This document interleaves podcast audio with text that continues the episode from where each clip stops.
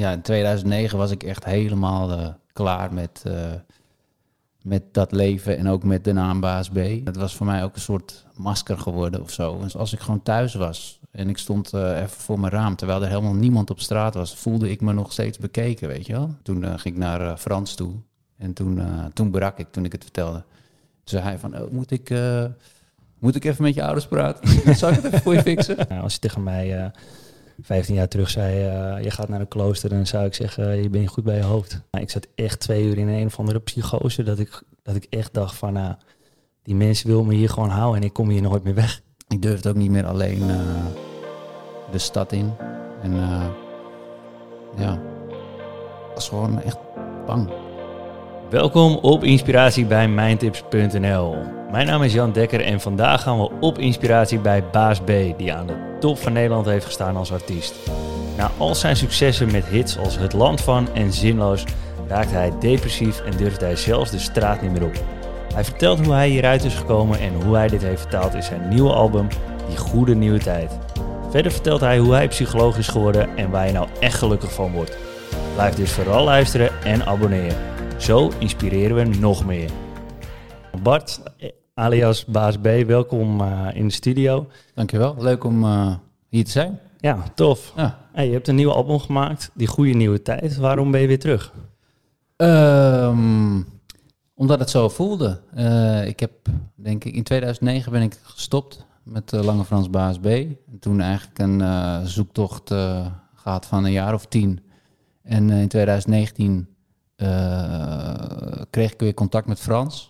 En toen voelde het ook alweer kriebelen van hè, hoe zou het zijn om met de kennis van nu en eh, hoe, ik me nu, hoe ik nu in mijn vel zit, eh, hoe zou het zijn om op het podium te staan. Dus eh, nou, dat is uiteindelijk gebeurd. En dat voelde zo fijn en goed. En toen kreeg ik wel weer de smaak te pakken. Ik werkte toen als psycholoog en toen heb ik mijn baan eigenlijk opgezegd. En om weer vol voor de muziek te gaan. Kijk, muziek is altijd wel een rode draad in mijn leven geweest. Maar ik had nooit echt die overtuiging, durfde er niet echt helemaal meer voor te gaan. En eh, dat moment toen ik op het podium stond en eh, ervaarde dat ik echt kon genieten van... eh, dat ik gewoon open stond, weet je. Ik kon de energie van de, van de zaal voelen, van de band. Ik kon gewoon rustig zijn in mijn hoofd, genieten. Niet bang zijn van oh, als ik maar geen fout maak of weet je. Gewoon in het moment zijn. Ja. En die ervaring, dat, dat dacht ik van wow, als ik dit, had ik dit tien jaar geleden maar gekund, weet je wel. En nu, ja, toen kwam eh, coronatijd. Toen dacht ik, nu ga ik eh, mijn eigen album, eh, want ik heb nog nooit een solo album gemaakt. Dus ik dacht, nu ga ik mijn verhaal vertellen. En dat is die goede nieuwe tijd geworden. Ja, super tof. En heb je het idee dat je nu beter kunt schrijven dan vroeger? Ehm, nou, ik moet zeggen, het was wel even weer. ik was wel even roestig. Dus het schrijven moest wel weer even loskomen. Maar ik denk dat ik wel ehm, beter mijn gevoel eh, kan uiten. Dus misschien maakt, maakt dat het schrijven ook wel beter. Ja. denk het wel. Ik ben natuurlijk ook ouder en eh, volwassener en ik hoop ook wat wijzer. En, eh, Ja. Dus die ervaringen kun je nu wel allemaal in je teksten stoppen. Terwijl ik vroeger eigenlijk alleen maar bezig was met liefdesliedjes. Of eh, nou ja, niet, eh, niet alleen maar, maar eh, als ik me slecht voelde, dan schreef ik bij wijze van spreken een liefdesliedje, een verdrietig liefdesliedje. En als ik me goed voelde, dan was het vrolijk, weet je wel. Ja. En nu kan ik toch meer echt wat ik voel ook omschrijven en uiten. ja, precies. En ook de negatieve kanten van het leven misschien. Ja, zeker. Licht en donker, allebei. En heb je ook een ander schrijfproces nu? Dat je bijvoorbeeld meer onbewust schrijft in plaats van bewust? Zou dat kunnen? Ehm, dat weet, weet ik eigenlijk niet. Of het ja, onbewust is heel lastig. Misschien ehm, als ik iets als ik ergens te veel in zit of zo, dan laat ik het wel even met rust. En dan eh, vertrouw ik erop dat er daarna wel weer iets binnen schiet. En meestal is dat gewoon zo. Dus als je het loslaat, gebeurt er denk ik onbewust wel heel veel. Ja. Ehm, maar wat ik wel merk is dat ik minder eh, kritisch of minder perfectionistisch, eh, minder in mijn hoofd zit. Dus ik eh, sta mezelf toe om wat er in me opkomt gewoon op te schrijven en daarop verder te borduren. En dan ontstaan ook de meest, meestal de mooiste dingen. ja. Dat is wel een an- verandering. En ondanks dat blijf je de kwaliteit even goed hoog houden aan het einde van het proces. Dat is wel het streven ja, altijd. Ja. ja. Ja, dat is mooi. Ja, toevallig sprak ik mijn vroegere huisgenoot vandaag en die zei, ja, het is super tof dat hij terugkomt, maar het is natuurlijk ja, geen garantie van succes, zei, uh, zei Leroy. Nee, Leroy heeft het juist. Ja. ja. ja, maar wat is succes, weet je? Ja, wat is succes? Ja, ik, ik kijk nu uh, terug op dit album en uh, denk ik van wauw, ik ben blij dat ik dit heb gemaakt en dat ik mijn verhaal eruit heb gegooid. En uh, dat is voor mij eigenlijk het succes. Ik ben trots op wat ik heb gemaakt. Ja. Samen met Thomas Bank mede geproduceerd. En ja, uh, dat is voor mij het succes. En als het daarna nog uh, door het publiek omarmd wordt, dan is het nog eens extra mooi, weet je. Dan, ja. maar ik ben niet afhankelijk van, van die waardering. En ja, natuurlijk moet je moet je, je huur betalen en ja. wat eten en zo. Dus dat zou ook fijn zijn. Maar, maar goed, ja. Dus als je, daar, als je het zo bekijkt, dan is het wel een sprong in het ja, onzekere. Ja, wel een mooie sprong, denk ik. Nu kijk je dan dus wel anders naar succes dan vroeger, of niet? Ja, vroeger dacht ik, weet je, ik, ik, ik, zag Brainpower en Extins. Dat waren zeg maar de grote namen van toen, toen ik een jaar of 14, 15 was. Die zag ik op het podium staan in, in volle schijnwerpers. En dacht ik, ja, dat, dat moeten wij ook, weet je wel. En als we daar staan, dan hebben we het gemaakt. En dan, dat is succes. En dan, ja. En toen waren we daar en toen dacht ik, oh, het is best wel heftig dit. En, toen liep het even anders. Toen liep het even anders, ja. In eerste instantie heel leuk en heel vet. En bedoel, je, je, komt overal en je maakt zoveel dingen mee. Je verdient geld. En, maar persoonlijk ging het eigenlijk op een gegeven moment wel steeds minder. Dus ja. ja. Ja, want je kampt uh, uiteindelijk met uh, een burn-out. Je hebt ventilatieaanvallen gehad. Het eindigde zelfs in depressie. Hoe zag je dagen er toen uit? Donker. Vrij donker. ja, uh, zeg ik nu met een lach. Maar ik ben ook wel blij dat ik het heb meegemaakt. Ja. Maar ja, in het begin was het natuurlijk geweldig, al het succes. En uh, weet je, waar je, waar je al jaren, vanaf je vijftiende hadden we, waren we daarmee bezig eigenlijk. En uh, toen ik 21, 22 was, ja, stond ik op het hoogste niveau, laat ik het zo maar zeggen. En ehm, ja, die bevestiging was leuk, maar op een gegeven moment vond ik het ook heel raar om, in die, om op zo'n podium te staan en iedereen verafgoot je bijna, weet je. Het maakt niet uit wat je doet. En dat, ja. dat, die de verhoudingen waren een beetje weg. Dus ik kreeg ook geen normale feedback meer van mensen. Weet je, ik kan niet meer normaal iemand ontmoeten, want er was altijd wel weer een uh, vooroordeel of uh, weet je, ja. Dus dat, daar worstelde ik mee met hoe kan ik nou nog een normaal leven krijgen? Of, uh, en dat, hoe kan ik nou weten wie ik ben? En nou, zo ging het langzaam ja. maar, dieper de shit in. En dat, waren, ja, dat voelde, voelde heel eenzaam eigenlijk op een gegeven moment ook. Ja. Ja, dat kan ik me voorstellen. Ik heb zelf ook zo'n periode meegemaakt, dus ik weet een beetje eh, hoe die dagen eruit zien. Kan je eh, wat voorbeelden noemen hoe je je dagen doorbracht toen? Um, in die periode van uh, succes of depressie? Ja, depressie. ja, um, sowieso lag ik lang in mijn bed. Ja, herkenbaar. Veel douchen ook, of niet? Ja, of bad. Even lang in bad liggen. Dat vond ik ook wel fijn. En dan gewoon een serie aanzetten en gewoon uit tunen. Ja. Dat. En ehm, ik probeerde nog wel muziek te maken. Dat wel. Okay. Ik zat gewoon dagen eigenlijk thuis. Ik dacht van ja, ik moet door, ik moet door. Ik moet nieuwe dingen maken. Maar als ik dat nu terugluister, dat is allemaal vrij, vrij depressief, ja. Ja, en hoe lang heeft die periode in totaal geduurd? Um, ik denk ja. Ik denk zeker wel anderhalf jaar of zo, een jaar. Ja, maar echt het dieptepunt, die diep, diep, diepe dagen, denk ik uh, misschien wel een half jaar of ja. Ja, precies. En hoe ben je er uiteindelijk langzamerhand uitgekomen? Um, ik uh, ben gestopt met, uh, met muziek en ja. mezelf schop gegeven eigenlijk. Ik ging ik ging weer studeren en ik ging weer op voetbal. En het normale leven, dat, dat gaf mij een soort van bevrijding. En daarin, ja, ik wist nog niet echt wat ik wilde. En die onzekerheid vond ik wel lastig. Maar ja, ik had op in ieder geval een houvast om dan mijn, mijn diploma te gaan halen. En dat was dan weer mijn doel of zo, weet je. En ja, zo eh, kwam ik langzaam weer eigenlijk tot mezelf. Ja. Dus door bijvoorbeeld in de kleedkamer zit, te zitten, dat je one of the guys was. Ja, dat eh. Ja, gewoon eh, en, en lekker op het veld eh, voetballen, weet je, dan, dan staat mijn hoofd ook eh, uit. Ja. Dan ben je gewoon alleen maar bezig met die bal en het spelletje. En Ja. eh, dat was genieten. ja. Ja. Echt in een flow. Ja, dan kom je echt in flow. Ja, dan ben je gewoon echt in het moment. En dan, eh, ja. Ja. ja. dat zijn belangrijke dingen. Hè? In het moment komen, mensen ontmoeten. Ook die je niet op een andere waarde schatten. Ja, dat, dat- je gelijkwaardig bent. ja, want dat heb ik ook eh, gemerkt. Want toen ik, toen ik die knoop door had gehakt van, weet je, ik, ik ga gewoon een ander leven leiden. Kwamen er ook allemaal mensen op mijn pad in één keer van, wow. Eh, weet je, dat zijn vrienden nu en die, eh, die konden me steunen in die tijd en hebben me geholpen met bepaalde dingen. En eh, Ja. dat, was, dat, dat vond ik wel echt bijzonder ook, weet je. Dat je, als je kiest voor je, weet je, je innerlijke kompas of voor Ja. dat gevoel, dan, ja, dan, dan gaat het in één keer allemaal kloppen of zo. Ja, ik herken het wel hoor. Ik maak zelf ook steeds meer beslissingen op basis van mijn gevoel, van mijn onbewuste. Dat ik denk van ja, het komt vast wel goed. En meestal komt het dan ook eigenlijk wel goed. Ja, Waar het vandaan komt, dat is natuurlijk een beetje de vraag. Alleen het leeft wel eh, een stuk prettiger. Om even terug te komen op je succes. Toen waren er natuurlijk heel veel mensen die van je wilden profiteren.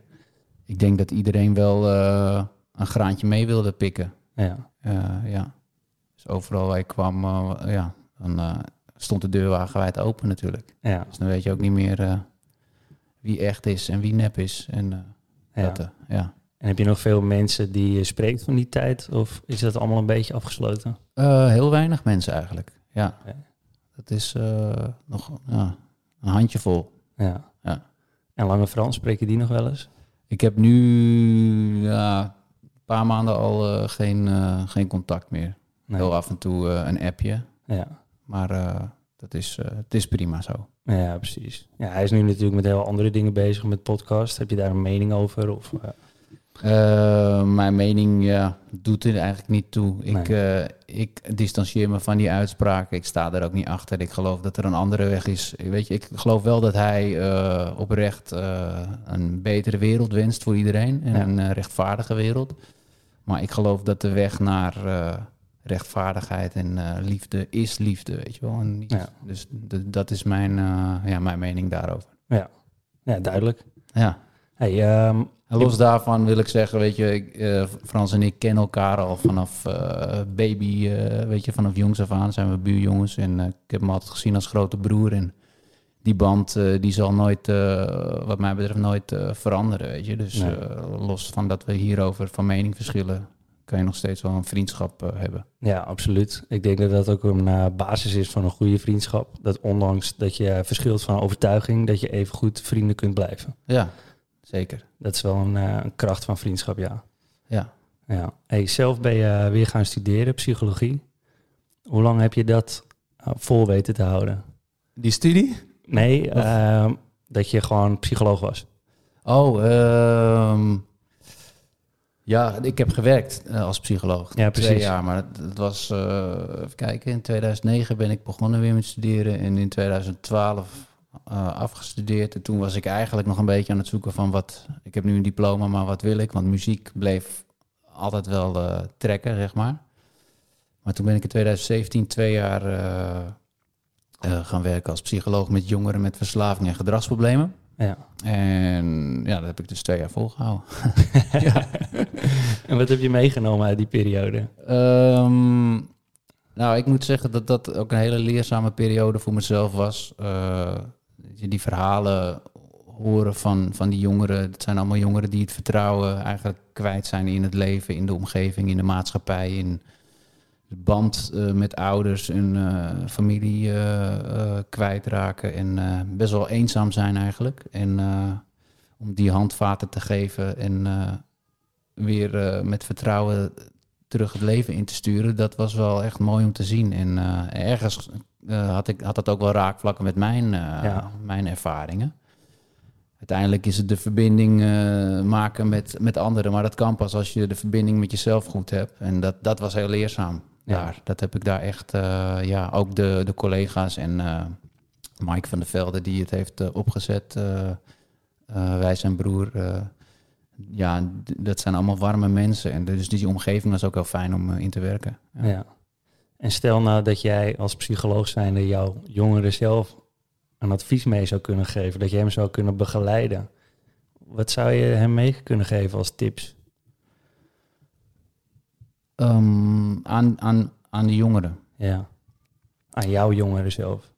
Oh, ik aan mezelf. Ja. In de periode dat je het moeilijk had. Ja. Eh, vertrouwen op je intuïtie. Volg, volg die, want die, die zit altijd goed. Ja. Eh, dat is heel belangrijk. En eh, daarmee eh, heb je andere tips als, weet je, bewaak je eigen grenzen en neem je ruimte in. Ja. Maar dat gebeurt dan eigenlijk automatisch ook, Ja. denk ik. Ja, inderdaad. Ja, het is toch moeilijk om, als je in het moment zit, om daaruit te komen. Je hebt geen, ja, hoe moet ik het zeggen, professionele hulp gehad daarin. Nee, nooit gezocht ook. Nee. Dat is eigenlijk, eh, dat zou ook een hele waardevolle tip zijn geweest aan mijn jongeren zelf. Van, weet je, eh, wees eh, open en, en vraag om hulp. Ja, Want je hoeft het niet alleen te doen. Je kan het ook niet alleen doen. nee. Nee, zeker niet. En ja, je hebt natuurlijk niet een bedrijfsarts of zo. Nee, die hadden we niet. nee, het zou wel mooi zijn geweest, ja. Ja. ja. Op je album heb je een nummer Kind in mij. En daar had je best wel een, een wederkerende zin in. En die wederkerende zin was... eh, hier is mijn hart, pak hem weer beet. Ik vond hem heel erg, eh, heel erg treffend. Kan je dat uitleggen aan mensen eh, die dat we misschien willen beluisteren? Ehm, ja, het kind in mij, dat gaat echt over... ik beschrijf daar een, weer een, een ontmoeting met een persoon. En dat is dus het kind in mij, in mezelf. Dus ik maak, maak ik contact met het kleine jongetje... dat onbevangen en vrij eh, hier eh, ooit op aarde is gekomen. Zonder eh, zijn ballast en dingen die hij van zijn ouders meekreeg. En de ervaringen die die, waardoor hij misschien wel beschadigd is geraakt. Dus dat pure kind in jezelf. En als je die weer ontmoet en omarmt, dan ja, weet je, ik zeg hier, hier is mijn hand, pak hem weer beet en neem hem mee. En dan ga je, een, dan ga je, ga je leven. Ja. Ja. Ja, ik vond het vooral mooi om, eh, om de clip te zien. Hè? De kleine jou en de grote jou. En eh, dat je echt straalt. Dat je het kind echt eh, omarmt. Ja. Zelf heb jij eigenlijk ook weer baas B omarmd. Hoe voelt dat? ja, goed. Ja, anders had ik dat ook niet gedaan hoor. Nee, nee ik was het echt, ja, in 2009 was ik echt helemaal klaar met, met dat leven en ook met de naam baas B. En Had je daar ook een negatieve associatie bij, bij de naam baas B? ja, ik wilde dat gewoon niet meer zijn. En het was voor mij ook een soort masker geworden of zo. Een soort eh, Imago. imago en een houding waarin ik mezelf eh, staande probeerde te houden toen de tijd. Op het podium en in de media en eh, overal op straat waar mensen me herkenden. Dus eigenlijk ja, durfde ik mezelf ook niet te laten zien. Dus, dus die twee, Baas B en, en Bart. Bart was gewoon helemaal eigenlijk weg. Ja. En toen ik stopte, voelde het ook echt zo van, oh, nu valt het van me af, weet je wel. Nou, het was best wel naïef, want ik werd nog steeds herkend als. Ja. Maar voor mezelf had, was het heel, heel eh, belangrijk. En ehm eh, gaandeweg, eh, ja, was die negatieve associatie, die ging, ging weg. En kon ik ook weer met trots terugkijken op die tijd. En ook weer met trots terugluisteren naar die liedjes. En in 2016 toen ging ik in één keer weer, eh, want ik heb altijd wel liedjes geschreven, maar eh, toen in één keer ontstond er weer een, eh, een rap nummer. En die heb ik toen ook uitgebracht onder Baas B. En toen dacht ik, hé, dit voelt weer goed, weet je. Ja. Daarna heeft het nog een tijdje op zich laten wachten tot ik, tot ik dit album heb gemaakt. Maar dat was eigenlijk wel het omslagpunt van, oh, het, het voelt weer goed. Ja. Ja. ja, goed om te horen, want nou, hopelijk komen er weer mooie periodes aan.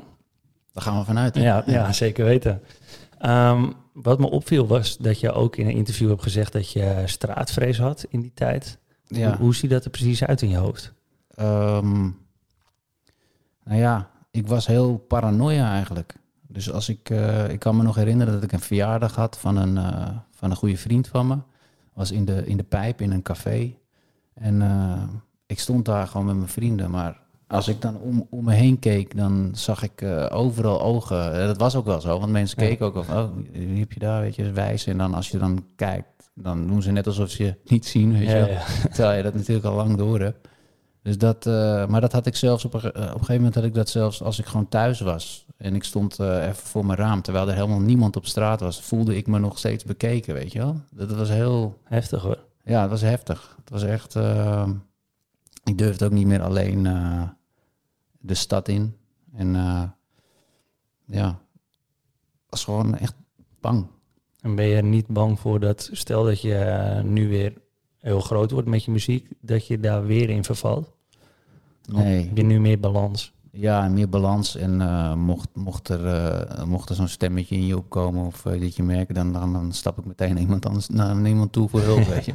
Maar dat gaat niet meer gebeuren, want ik, ik zit, ben nu gewoon in balans. En het masker, eh, er is geen masker meer. Dus Baas B en Bart liggen heel dicht bij elkaar. Ja. En, eh, ja, ik denk dat dat wel belangrijk is inderdaad. Dat je Ja. ze steeds dichter bij elkaar brengt. Zeker. Dat je jezelf kunt blijven. Ja, want dan kan je overal jezelf zijn. En ja, weet je, ehm, nu kan ik ook beter omgaan met die aandacht, denk ik. En, Ja. eh, dus Ja. ik ben daar niet bang voor, nee. Nee, misschien dat je je stemmetje in je hoofd dan wat minder serieus kunt nemen. Dat je er eigenlijk misschien zelfs wel om kunt lachen. Ja, ja. Als hij weer komt, dan, dan lach ik hem uit gewoon. Ja, toch? Ja. Ja, want heel veel mensen die denken dat hun eh, serie in hun gedachten serieus zijn, dat het allemaal echt is. Ja, Maar als je hem heel vaak toetst, nou, dan klopt hij eigenlijk heel vaak niet. nee. Dat is, eh, dat is, dat is mooi, hè? Dat, eigenlijk heel, heel, waar komt dat stemmetje vandaan, hè? Dat, Ja, dat hebben ze in de wetenschap hebben ze dat nog niet kunnen analyseren waar het precies vandaan komt. Wel dat we dus ontvangers zijn met onze hersenen van de gedachten. Maar waar het precies vandaan komt, dat, eh, dat weten ze niet. ja. Maar daardoor is het wel des te mooier dat je als je zelf beseft dat het eigenlijk heel vaak niet waar is, dat voorkomt een hele hoop lijden. ja. Ja, moet je, moet je wel continu scherp zijn eigenlijk, hè? Ja, Dus, absoluut. eh, En dat is natuurlijk een heel groot proces, want op het begin zal dat heel lastig zijn. Dan heb je misschien pas na, na een half uur of een uur door van hé, hey, eh, wat ik over, waar ik over na zit te denken, slaat eigenlijk helemaal nergens op. ja. Als je daar steeds bewuster mee bezig bent, dan gaat dat moment steeds verschuiven naar voren. ja. Meditatie helpt daar ook eh, heel goed bij, hè? Ja, absoluut. Dat, eh, dat is heel vaak eh, de basis voor de mensen die daarvoor openstaan. om hun gedachten te leren herkennen en erkennen. Ja. En als ze daar inderdaad mee bedreven zijn, dan kunnen ze dat ook in het dagelijkse leven toepassen. Dus dat is een hele mooie toevoeging inderdaad. Ja, want dan ben je echt... Probeer maar eens echt stil te zitten en eh, aan niks te denken. Dan, dan, dan ben je pas echt eh, ja, eh, opmerkzaam van wat, wat er allemaal door je hoofd heen gaat. Als je je ogen dicht doet, je gaat stilzitten, je gaat even voelen van hoe je benen staan, hoe je, hoe je in de stoel zit. En dan, en dan in één keer gaat je, gaat je gedachte naar een boodschappenlijstje of zo. ja, Ja. klopt. Ja. En ja, vooral de mensen die beginnen met mediteren, die denken dat daar de fout ligt. Dat als hun gedachte afdwaalt, eh, dat ze hem zo snel mogelijk, oké, die moet je zo snel mogelijk weer terughalen naar je ademhaling. Ja. Of naar de punten in je lichaam waar je mee bezig bent. Alleen, ehm, ja, daar ligt vaak de fout. Dat ze zichzelf dan straffen en dan blijven ze daar weer in hangen. Shit, oh Ja. shit, shit, oh shit. Ja. En dan blijf je bezig en dan kom je heel gefrustreerd uit je... Ja, dat moet je niet willen, nee. Nee, ja, ik heb zelf eh, ben ik naar het klooster geweest in, eh, in Thailand. Ben ik twee weken heen geweest. En daar heb ik uren achter elkaar moeten mediteren. Het begin met eh, vijf minuutjes in een uur bijvoorbeeld. Heel rustig wordt het opgebouwd. eh, en de laatste vier dagen mocht ik niet eens meer slapen. Moest ik eh, soms drie uur achter elkaar in kleermaken zit. Dan drie uur loopmeditatie. Dan weer drie uur kleermaken zit. En dat 24 uur, vier dagen lang. Ah, Zonder slaap gewoon... Ja. Ja, en de eerste dag zeiden ze tegen mij, zeg maar de eerste dag dat ik niet mocht slapen, toen zeiden ze, eh, je mag vanavond mag je niet meer slapen. En ik kwam toen ook uit een hele moeilijke tijd. Toen zei ik, ja verdomme, ik zeg, eh, ik kom hier verdomme omdat ik alleen maar wil slapen. En dan ga je tegen mij zeggen dat ik niet mag slapen. Dus ik zeg, nou vooruit, ik hou het dan wel een nachtje vol. Dus toen heb ik een nachtje heb ik het volgehouden. En toen ben ik de volgende dag teruggekomen, dus ik was super blij, weet je wel. Dus ik zeg, eh, ik heb het gehaald, eh, I made it. Ik moest natuurlijk Engels praten. En toen zeiden ze, nou, supergoed. Maar vanaf mag je weer niet slapen. En toen eh, werd ik best wel boos. Toen zei ik van, ja, wat is dit? Je hebt me beloofd dat, eh, dat het maar voor één nachtje zou zijn. Ja, jammer, zegt hij, die monnik. Hij zegt, eh, volgende nacht weer niet. Dus ik naar mijn kamer, balen, balen. Maar ja, je moet dus al die boze gedachten in je, en dat was waarschijnlijk ook de training, die moest ik rustig weten te krijgen. Dus na de eerste twee uur zit je er gewoon nog vol agressie zit je te mediteren. En nou, zodoende kwamen er ook een aantal momenten dat ik uh, ja, gewoon heel vermoeid was, blackouts kreeg, dat soort dingen. Maar na de derde dag, toen hij weer zei van uh, je mag vannacht weer niet slapen, toen dacht ik die vierde dag, uh, oké, okay, ik loop naar hem toe. De volgende morgen ga ik zeggen, en vannacht weer niet slapen zeker? Hij zegt ja, klopt. Ik zeg, geen probleem vriend. En toen ging ik zo weer weg. Ja. En ja, toen heb ik wel echt geleerd om mijn gedachten dus te herkennen. Zodat nu in het dagelijks leven, als er dan een negatieve gedachte in me opkomt, dat ik hem gewoon, oké, okay, ik, uh, ik herken hem gewoon, hij, hij is er even. Maar ik word er niet boos om, want we zijn allemaal mensen en waar die gedachten vandaan komen, ja, wie, wie weet het. Oké, okay, hij is er even, oké, okay, prima joh, je komt even langs, oké, gaat weer, toedeloe. Ja. Je hoeft niet meteen te reageren. Precies. Ja. En uh, ja, ik denk dat, uh, ja, dat dat gewoon een supergoeie training is voor mensen die ervoor openstaan. Hè? Want uh, iedereen heeft zijn eigen pad en zijn eigen snelheid. En als je tegen mij 15 jaar terug zei, je gaat naar een klooster, dan zou ik zeggen, je bent goed bij je hoofd. Ja, wel vet. Lijkt me ook wel vet. Ja. Maar hoe, hoe is dat dan? Want ik heb wel eens één nacht niet geslapen. Ik heb, ken je het boek Helweek? Ik heb wel van gehoord, maar ik heb hem niet gelezen. Oké, okay, ja, dan ga je dus een week lang uh, op je toppen beetje presteren eigenlijk. En dan is de nacht van donderdag op vrijdag uh, moet je ook niet slapen. En dan moet je in die nacht gewoon allerlei uh, achterstallige klusjes die je uitstelt ah, ja, ja. doen en zo. Maar dat heb ik dus gedaan. Maar ja, op een gegeven moment moest ik nog, nog een half uur wachten totdat ik naar mijn werk kon gaan. En ik had niks te doen. En ik, dus ja, toen ben ik even, even gaan zitten. Maar toen ik zakte gewoon weg. Dus hoe doe je dat als je dan moet mediteren of uh, niet mag slapen? Hoe hou je jezelf wakker dan? Ja, ik, uh, ik heb dat dus ook gehad. Ik viel om tijdens een moment. Uh, ik was gewoon te moe. En toen werd ik wakker. En toen had ik het gevoel alsof ik werd gebrainwashed. Dat was volgens mij op de derde dag of zo. En toen kwam toevallig kwam iemand kwam bij mij checken. Die kwam aan de deur. nou, dat was pas na twee uur of zo toen ik die val had gemaakt. Maar in die periode van die twee uur dacht ik, uh, ja, ze proberen, hier met, ze proberen me hier te brainwashen en ze willen me hier houden. Net als al die andere mensen die hier rondlopen uit Europa. Die willen ze gewoon hier houden. Dus ik werd helemaal gek. Dus ik dacht, uh, ik pak mijn telefoon, ik bel mijn, mijn beste maat Sander. En uh, hij moet vliegtickets regelen. Hij moet me hier weghalen. Een soort bijna psychotisch. Ja, serieus. Ja. En ik had mijn telefoon bij me. Hij stond altijd op vliegtuigmodus, want het moet natuurlijk daar. Want ik gebruikte hem alleen maar als stopwatch. Maar toen had ik tegen mezelf gezegd... Oké Jan, je gaat nu misschien iets te ver. Um, als je over een uur nog zo denkt... dan pas mag je hem bellen. Dus toen heb ik mezelf een uur uh, nou, redelijk rustig weten te houden. Ik bleef nog steeds denken. Toen na een uur keek ik op mijn telefoon. Oké, ik denk het nog steeds. Ik moet hem bellen, ik moet hem bellen. En toen zei ik weer tegen mezelf... Doe nog een uur, doe nog een uur. Heb ik weer niks gedaan. En toen na dat uur klopte er iemand aan mijn deur en die zei, ja, hoe gaat het? Ik zeg, ja, ik ben net gevallen en uh, ik heb allemaal gekke gedachten in mijn hoofd. En zei ze, ja, dat is vaak op dit moment. Dus daarom komen we even bij checken hoe het, uh, hoe het met je gaat. Hm. Nou, toen heb ik mijn verhaal gedaan. En toen zei ze, ja, het is niet erg dat je even weg bent geweest. En dat is heel normaal, zeker als je zo weinig slaap hebt gehad. Ja. Dus uh, probeer straks verder te gaan met je oefeningen. Maar ik zat echt twee uur in een of andere psychose. Dat ik, dat ik echt dacht van, nou, die mensen willen me hier gewoon houden en ik kom hier nooit meer weg. Heftig wel. Ja. Maar je bent er wel doorheen gekomen, gelukkig. Ja, uiteindelijk wel. En het was ook best wel gek, want ik kwam uit het klooster. En ja, het was net alsof er een 2.0 versie van me was. Omdat ik zoveel aandacht had gehouden op mijn ademhaling en op mijn lichaam dat ik alles opmerkte wat er om me heen gebeurde. Superveel prikkels, ik zag alles. Ik uh, was superscherp, mijn gedachten waren superscherp. En op de terugreis naar, naar Nederland, nou, dat is natuurlijk over de tien uur vliegen, heb ik eigenlijk ook geen boek gelezen. Ik heb geen film gekeken. Ik zat alleen maar te zitten en het was prima. En dat is best wel gek. Als je daarvoor was ik heel erg uh, op zoek naar prikkels altijd. Mm uh, dopamine kicks. Uh, ik wilde dit presteren, ik wilde dat presteren, feesten. En toen ik dus terugkwam, zat ik gewoon eh, over de tien uur zat ik op mijn stoeltje in een vliegtuig en het was goed. Fijn wel, toch? Ja, ja. Ja. zeker fijn. Daarna, daarna leer je wel veel meer waardering te halen uit andere dingen en vallen veel meer dingen je op. Zoals bijvoorbeeld mijn vriendin, die, die houdt heel erg van een zonsondergangetje. En eh, ik had daarvoor dat ik daar helemaal niks mee. Maar tegenwoordig kan ik wel, eh, kan ik daarvan genieten. ondergangetje. Een kleintje. Ja. Even snel. Doe me niet te lang duren. Even snel onder. Kom op. precies.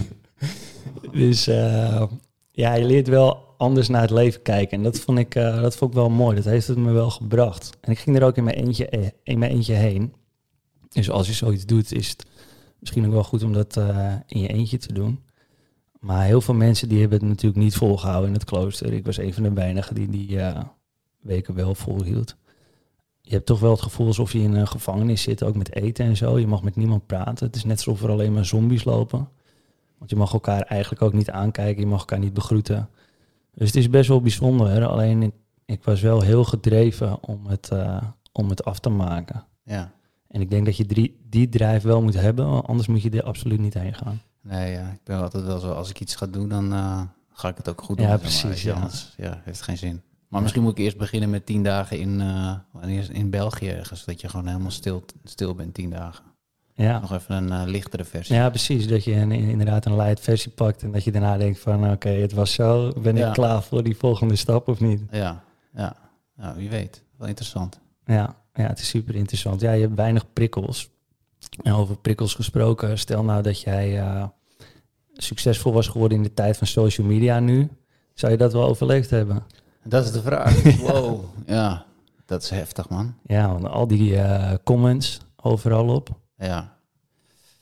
Ja, ja dat is moeilijk, eh, moeilijk te beantwoorden natuurlijk. Ja, Maar ik vind het nu best wel ja, moeilijk om mee om te gaan. Ik merk dat, dat, dat, je, dat het best verslavend is. En eh, ja, al die eh, inderdaad comments. Maar ik, ik ben ook wel zoiets van, ja, mensen nemen de moeite om eh, te reageren. Ja. Dan moet je natuurlijk ook wel even moet je weer terugreageren. En het is een Ja. ongoing ding, bijna. ja, dat snap ik wel. Ik heb het zelf bijvoorbeeld met een verjaardag. Met me, dan heb je in één keer eh 400 eh, felicitaties op, eh, op Facebook. Oh ja, Nou, hoe, En ga ik dit beantwoorden? Ja. Eentje voor iedereen? Of moet ik iedereen precies. apart? Want als ik die ene doe, dan moet ik die andere ook doen. Ja, en uiteindelijk zit ik dan uren achter elkaar en dan zit mijn vriendin te kijken van voor. Moet je nou echt per se iedereen persoonlijk nog een boodschap sturen? Kan niet alleen een like. Nee, ze hebben de moeite genomen om mij te feliciteren. Dan doe ik dat ook terug. Ja, ja. Dus, En, dilemma's zijn dat. Maar, ja, maar straks kom jij bijvoorbeeld met je eerste album. Kijk, als die eh, lekker opgepakt wordt, dan krijg je wel veel positief commentaar ook. Ook negatief. Ook negatief, ja. En eh, positieve commentaar, ga je daar echt eh, een dagdeel aan wijden? Dat je iedereen persoonlijk gaat terugsturen? Ehm, nou, meestal doe ik wel al- als ik persoonlijke berichten krijg van mensen die, die de, de muziek geluisterd hebben en dat je merkt dat, ze, dat het echt eh, iets gedaan heeft met ze of dat het ze geraakt heeft of dat ze het mooi vinden, dan eh, vind ik het wel eh, zo aardig om ook wat Ja. terug te sturen om te bedanken. Dus, maar tot nu toe loopt het niet zo. Ik krijg wel positieve reacties, Ja. maar het loopt nog geen storm dat ik echt een dagdeel aan kwijt ben hoor. Dus dat, Nee. als het echt uit de klauwen gaat lopen, dan moet ik daar een manier voor vinden. Maar Wat zou een manier daarvoor kunnen zijn? Hoe, do- hoe doen andere mensen dat, denk je? ik weet niet. Ehm, er zijn ook mensen die gewoon hun social media dingen laten doen. Ja, Dat, eh, maar dat, ik, ik vind het wel fijn om het eh, persoonlijk. persoonlijk eh, te houden. Alleen, ja, ze zeggen ook wel, ja, je moet elke dag wat posten en dan rond die tijd en Ja. weet je, ongoing, want dan zit je in het algoritme en dan kan iedereen je zien en bladibla. En dan denk Ja. ik, ja, gaat mij eh, te ver of zo. Ik, Ja. weet je, ik wil wel gezien worden, maar eh, Je wil niet dat het je leven beheerst. nee, en ik, ja, ik ben er niet altijd mee bezig en ik wil ook niet... eh, Nee. ik wil er ook niet altijd mee bezig zijn. En weet je, dan, dan gaan heel veel, heel veel momenten voorbij dat, dat, dat ik dan achteraf denk, oh ja, shit, dat, dat had wel leuk geweest als ik dat had gepost. Maar dan ben ik daar niet mee bezig. Dus Ja, ik snap het wel. ik Ja. ben niet zo'n handige Instagrammer. Ja, Ik ben sowieso niet zo'n sociale media man. Ja ik herken het wel. Eh, op wereldreis vorig jaar met mijn vriendin. Toen eh, nou, wilden we ook veel delen van onszelf. Hè. Je bent op wereldreis, het is super tof. Achteraf ben ik er super blij mee hoor. Want af en toe kijk ik nog wel eens wat filmpjes terug. En dan kom je gelijk in het moment. Ja, het is een soort dagboek voor jezelf Ja, dan geworden. Dus ja. alleen zij had het veel sneller dan ik. Van, eh, ah, dit is wel een leuk momentje om even op de video te zetten. Terwijl ik, eh, ja, het kwam gewoon niet echt in mijn gedachten op. En zij zei ook, ja, af en toe moet jij er ook even bij pakken. hè. En toen dacht ik, ja, ja, ik doe mijn best, maar... eh, ja, oh, zonsondergangetje. ja, Daar gaat er weer. Pak hem even. ja. En ehm, zit je veel op je telefoon zelf? Ehm, nou, ik betrap me er wel op eh, de laatste tijd dat ik dan toch weer in een onbewaakt moment ga je toch gewoon eigenlijk bijna automatisch zo klik je dan weer op, op Instagram, terwijl je de eh, tien tellen daarvoor heb je hem net weggeswiped, zeg maar, van even, even weg. En daarna ga oh, eh, waar- waarom open ik dit weer? En dan ga je weer scrollen, weet je. En Ja. dan ben je weer eh, tien minuten weer door je leven gescrolld. zeg maar. klopt. Ja. Dus dat eh, merk ik wel. Dus dan moet ik, eh, ja, ik heb sowieso die ehm, notificaties en zo allemaal uitstaan. Dat helpt Ja. wel. Dan word je wel gek. ja. Maar eh, het is een, eh, ja, je moet er een beetje balans in vinden. Want het is natuurlijk ook super handig om, eh, weet je, zonder dat eh, weten mensen niet dat ik muziek maak, bijna. Ja. Dus, eh, Ja, dat is een beetje het lastige. Hè? Hoe vind je die balans? Ja, zelf leg ik mijn telefoon heel vaak weg in de hoek van de kamer. Of als ik hierboven ga zitten, werken, editen, ja, andere dingen doen. Dan leg ik hem ook beneden. Dat werkt voor mij heel goed. Eh, omdat je hem anders toch... Het is een soort automatische reactie of zo. Dat je hem uit je broekzak pakt. Heel veel mensen zullen het wel herkennen. Het is gewoon denk van, nou ja, ik kijk even. Nou, dan eh, open je een WhatsApp. En daarna zit je eh, naar babyvideo's te kijken of zo. ja, Snap je? ja, Dat gaat gewoon heel snel. ja. En ik denk niet dat wij het kunnen winnen van, van al die ontwerpers uit Silicon Valley. Die weten natuurlijk precies ons, hoe ons brein werkt. Nou, het gaat zelfs zo ver. Gisteravond zei ik tegen mijn huisgenoot van... eh, eh, ik heb eigenlijk wel zin in eh snicker cream. Maar het was al, wat was het? Volgens mij was het tien uur of half elf of zo. Dus ja, het gaat niet, gaat niet. Ja, we kunnen wel bestellen, maar nee man, fuck it. Dat doen we niet. En ik zit op Insta en uh, er komt gewoon een reclame voorbij. Dan dit weliswaar. Maar dan Magnum met mijn karamel shit. Ik denk, wow, what the fuck is dit, weet je wel? Dat is bizar. Ja, maar zo ver gaat het hoor. Ja, ik had, ik, ik had het ook met mijn vriendin. Toen vertelde ik ook iets, volgens mij. nou ja, ik weet eigenlijk niet eens meer wat het was. Dat had ik alleen met haar besproken, gewoon mondeling. En ik kreeg daarna ook een advertentie en daar kwam het ook naar voren. En toen dacht ik, ja, klopt dit echt of niet? En dan ga je echt twijfelen van, eh, wat, wat, wat doet dit systeem allemaal? Volgens mij hoort het alles. Ja, Dat is wel heftig. ja dat is vrij heftig, ja. Ik heb hem nu uitstaan. Dus eh, dit, eh, Ja, lekker rustig. ja. Ja. Hey, ehm, waar zie jij jezelf over vijf jaar? Ehm, over vijf jaar. ehm, ik hoop dan wel een eh, gezinnetje te hebben. Ik heb nu nog geen vriendin, dus eh moet opschieten. Maak je je daar druk om of niet? Nee, nee, druk niet. Nee. Nee. Ik zou het wel leuk vinden, maar eh, Je bent gelukkig een man, dus je eierstokken zitten niet te klapperen. ja, dat is, dat is wel, eh, wel handig. Het is wel een ding natuurlijk dat je, dat je aan het nadenken bent van... Weet je, mijn vader was eh 36 toen hij eh, vader werd van mij. Ja. En ehm, dus ik had altijd in mijn hoofd van nou, 36 vind ik wel een mooie leeftijd. Ja. En nu ben ik 39 Oh ja. en, eh, dus ik ben al drie jaar te laat. Ja. Maar ja, ik wil, als je iemand on- ontmoet, dan denk ik dat je wel iemand minimaal twee jaar eh, moet leren kennen voordat je, Ja. dat je dan na gaat denken over kinderen. Dus eh, ik heb geen haast. Ik laat gewoon, ik voel me nog jong. En, ja. Je ziet er nog jong uit, dat scheelt ook. Scheelt ook wel, weet je, niet dat ik straks als zo'n opa tussen de ouders, hé, hey, komt je opa je ophalen? Nee, Ja, nee, nee, dat hoop ik niet. Nee, snap ik. Maar ik eh, voel geen druk en eh, ik vertrouw gewoon, eh, komt op mijn pad wanneer Ja. het komt. Ja, nee, ik heb mezelf ook nooit druk gemaakt. in mijn twintig jaren altijd vrijgezel geweest. Nou, één relatie, begin twintig jaren. En daarna vroegen ook veel mensen van, ja, maak je, maak je druk dat je, je wordt straks ouder, boven de 30. Maar ik heb me geen seconde druk gemaakt. En toen zei ik ook altijd tegen mijn maatjes, ik zeg, weet je, als ik 35 ben, dan is het een mooie tijd om vader te worden. En toen ging ik uh, naar nu en negen maanden terug, want over twee weken wordt ze geboren. kwam ik langs bij mijn vrienden en zei ze, ja, stakker, je hebt altijd gezegd 35 en het gaat je lukken. Ja, dat is mooi. Dus ja, en of het nou precies op die leeftijd is of dat het later komt, kijk, iedereen heeft zijn pad en...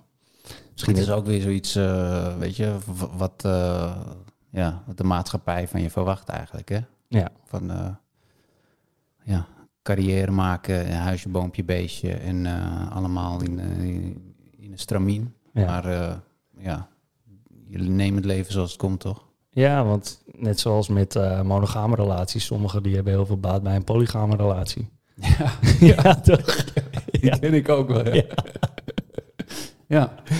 Ja, en, en zo heeft ieder zijn eigen ding. Het hoeft allemaal niet zo huisje, boompje, beestje. Nee, nee.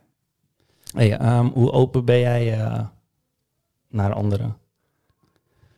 Over wat? Over alles? Ja. Uh, ik denk dat ik best wel open ben eigenlijk. Ik heb niet... Uh, ja, vertel, weet je, mijn verhaal. Ik ben persoonlijk... in mijn album ben ik ook best wel open. Ja. Ik denk ook dat het als je open bent, dat je dan ook uh, sneller uh, connectie kan maken met iemand. Dat als je alles uh, oppervlakkig houdt, dan, ja, dan ga je ook maar langs elkaar heen. Ja. Dus ik vind het altijd wel fijn om echt connectie met iemand te hebben of zo. Weet je? Dus dat doe je door open te zijn. En dan schept weer vertrouwen. En vertrouwen schept weer openheid. En dan, ja. ja. Dus ik denk dat het wel mooie wisselwerking is. Ja, al zij laat iemand wel van, uh, weet je, ja, wie zit er nou te wachten? Uh, weet je, sommige mensen willen gewoon baas B horen van vroeger. En uh, niemand zit te wachten op jouw shit. je persoonlijke shit. En dan dacht ik, ja, daar heb je misschien ook wel weer gelijk in. Maar... ja, het gaat er niet zozeer om wat anderen vinden, toch? Nee, nee, het gaat er wel om wat, wat goed voelt of zo. En dat, ja. dat doe ik wel. Ja. Dus, maar ja, weet je, ja. Ik, heb, ik, ik zeg op dat album bijvoorbeeld uh, over mijn opa heb ik het dan dat hij uh, dementie heeft. En uh, dat, dat raakt me natuurlijk. Ja. dus, maar dat vertel ik dan. Maar dan denk ik, ja, waarom vertel ik dat eigenlijk? Weet je, wat is dan... ja. Nou, ik denk dat het toch meer waardevol is als er iets persoonlijks in een nummer zit... dan dat het maar lukraak geschreven wordt. Ja, die, die kan, er zijn genoeg liedjes over de een ondergaande zon. of over de liefde, of over, uh, over uh, weet je, de zon schijnt. Ja. ja. ja. Ook wel leuk en lekker om af en toe te horen. Ik bedoel, uh, je moet niet alle, alleen maar nee. diepe shit hebben. Nee. Maar een beetje afwisseling. Ja. Dus die balans moet ik nog vinden, denk ik. Ja. Hey, en toen je een jaar of 15 was, zijn je ouders gescheiden. Wat heeft dat voor impact op je gemaakt? Um, nou, toen de tijd had het eigenlijk als enige uitwerking dat ik uh, me heel erg op mijn vrienden uh, ging richten. En uh, mijn school. Ik wilde wel gewoon mijn middelbare school afmaken, maar ik gaf niet zoveel meer om hoge cijfers of wat dan ook. Dus ik deed gewoon allemaal net genoeg. En ja, verder had ik niet echt het gevoel dat het... Ja, ik was er wel verdrietig door, maar ik kon er niet echt iets mee of zo. Ik kon niks... Uh, ik, dacht, ik dacht wel van, ja, misschien moet ik er een liedje over schrijven, maar ja, hoe dan? Ja. Kon ik niet. Dus, um, ja, hoe heeft het, wat heeft het met me gedaan? Ja, toen was ik er gewoon verdrietig uh, van, maar ik heb er één keer om gehuild. En uh, daarna ben ik gewoon doorgegaan. Ja. En ja, later is het denk ik wel later is, is het er wel weer uit, uitgekomen. Want het is dan verdriet dat je eigenlijk wegstopt. Ja. En dat, dat draag je dan altijd met je mee. Het wordt zeg maar steeds zwaarder, denk ik. Ja. Dus uh, op een gegeven moment uh, heb ik het er wel een keer goed uitgegooid. Na een paar goede gesprekken. Met je ouders? Uh, nee, niet met mijn ouders. Nee, met, met een therapeut. Oké. Okay. Ja. ja. En spreken je ouders er nog wel eens over of niet? Ja, ja ik, ik ben nu, uh, want vroeger waren we niet zo open in ons uh, gezin over uh, ja, de diepere gevoelens en zo. En, dus, um, maar nu gelukkig wel. Ik heb een goede, goede band met mijn vader en met mijn moeder ook. En, dus we hebben daar wel ja, nu, nu is alles wel over gezegd, denk ik. Maar eh, we hebben het er wel over gehad. Ja. Want vroeger was het zo, ze vertelden het. En ik werd boos van binnen. En eh, toen waren ze klaar. Ik zei, oké, mag ik nu weg? Weet je, toen ben ik Ja. weggegaan. Gewoon boos. En toen eh, ging ik naar eh, Frans toe. En toen, toen brak ik, toen ik het vertelde. Toen zei hij van, oh, moet ik... moet ik even met je ouders praten? Dan Zal ik het even voor je fixen? dus dat was wel mooi, maar... Dat, ja. Maar nee, met mijn ouders is dat allemaal wel... die hebben, zij hebben ook allebei hun eigen plekje weer gevonden in het leven. En partner gevonden. En eh, iedereen is gelukkig, dus dat is eh, fijn. Ja.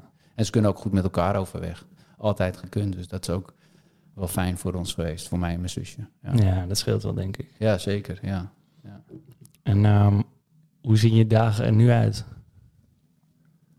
Ehm, ja, veel eh, in de studio eigenlijk. Ik heb thuis gewoon eh, werkplek. En ik zit eigenlijk dagelijks daar te werken. En Ja. eh, muziek, nieuwe muziek te maken. Ik ben alweer bezig met een nieuw, eh, nieuw album. Oh, tof. Ja. Heb je al een naam?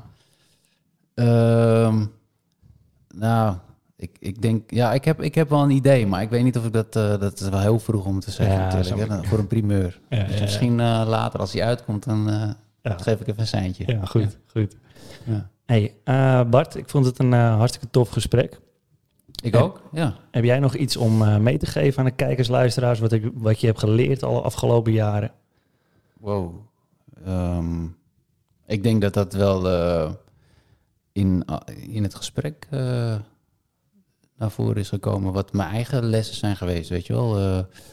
Vertrouw op je intuïtie en ja, durf te kiezen voor jezelf. En geniet ook gewoon van, van de kleine dingen en ook van de successen. Sta stil bij dingen, ga niet overal eh, aan voorbij. En, eh, Ik denk dat dat een belangrijk is, dat je mijlpalen toch wel moet vieren, zodat ze in je geheugen gegrift blijven. Ja, en dat je er ook betekenis aan geeft. Want anders is het maar, ja oké, heb ik gehaald, door naar de volgende. Weet je? Ja. Dan is het een eindeloze weg. Maar de weg is juist hetgeen waar je van moet genieten. Niet dat punt daar. Ja. Dat, dat, dat punt daar bestaat eigenlijk niet. Nog niet. Nee, nog niet, nee. Ja, Nooit dus. Want als je er bent, dan ben je alweer daar. precies. Dus eh, ja, dat is misschien wel een goeie. Ja, Ja. mooi afsluiten. Yes. Hey, thanks Bart. Heel graag gedaan. Yes. Tof dat je mee op inspiratie was en top als je deze podcast liked, deelt of op gaat abonneren. Zo kunnen we namelijk nog meer mensen inspireren. Ga voor persoonlijke coaching of een lezing voor jouw bedrijf naar mijntips.nl en hopelijk tot de volgende.